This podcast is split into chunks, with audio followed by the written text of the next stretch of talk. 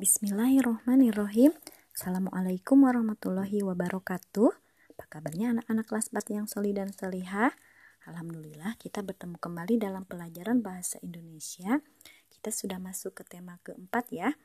Hari ini kita mau belajar menceritakan sebuah cerita Dengan pelapalan dan intonasi yang benar.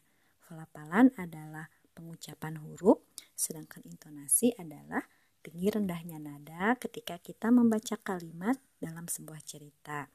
Sekarang perhatikan ya cara ibu membacakan sebuah cerita judulnya Semut dan Belalang.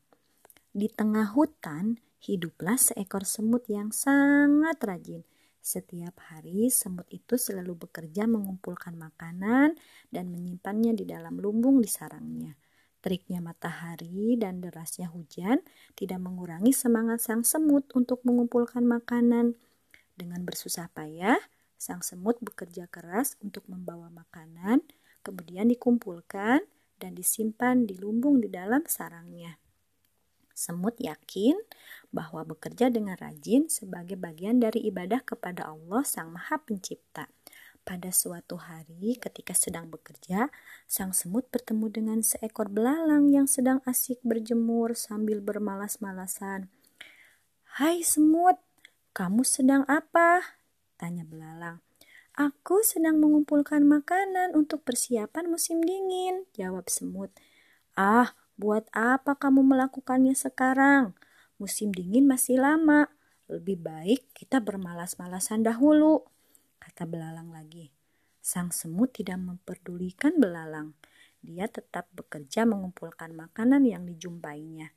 Ada remah roti, potongan buah-buahan, butiran nasi, dan serpihan keripik. Demikianlah sepanjang hari sang semut sibuk bekerja, sementara sang belalang tetap bermalas-malasan.